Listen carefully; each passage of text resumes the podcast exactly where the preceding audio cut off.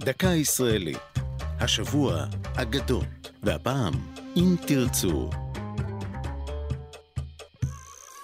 אגדה היא סיפור ששורשיו לא תמיד נטועים בקרקע המציאות, אבל על האגדה הבאה עומדים חלק מיסודותיה של התנועה הציונית.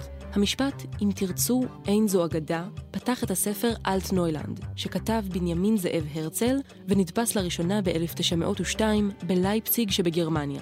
זה רומן דמיוני המתאר סיור במדינה יהודית צעירה ומפותחת העתידה לקום בארץ ישראל.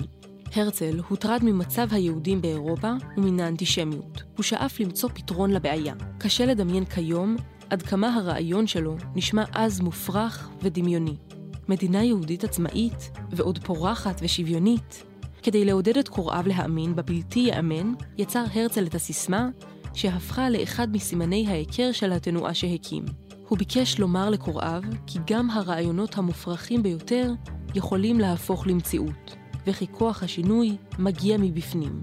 בחתימת ספרו אלטנוילנד כתב הרצל, ואילו אם לא תרצו, הרי כל אשר סיפרתי לכם אגדה הוא, ואגדה יוסיף להיות. זו הייתה דקה ישראלית על אגדות, ואם תרצו, כתבה עלמה רותם, ייעוץ הדוקטור אודי מנור, עורך ליאור פרידמן.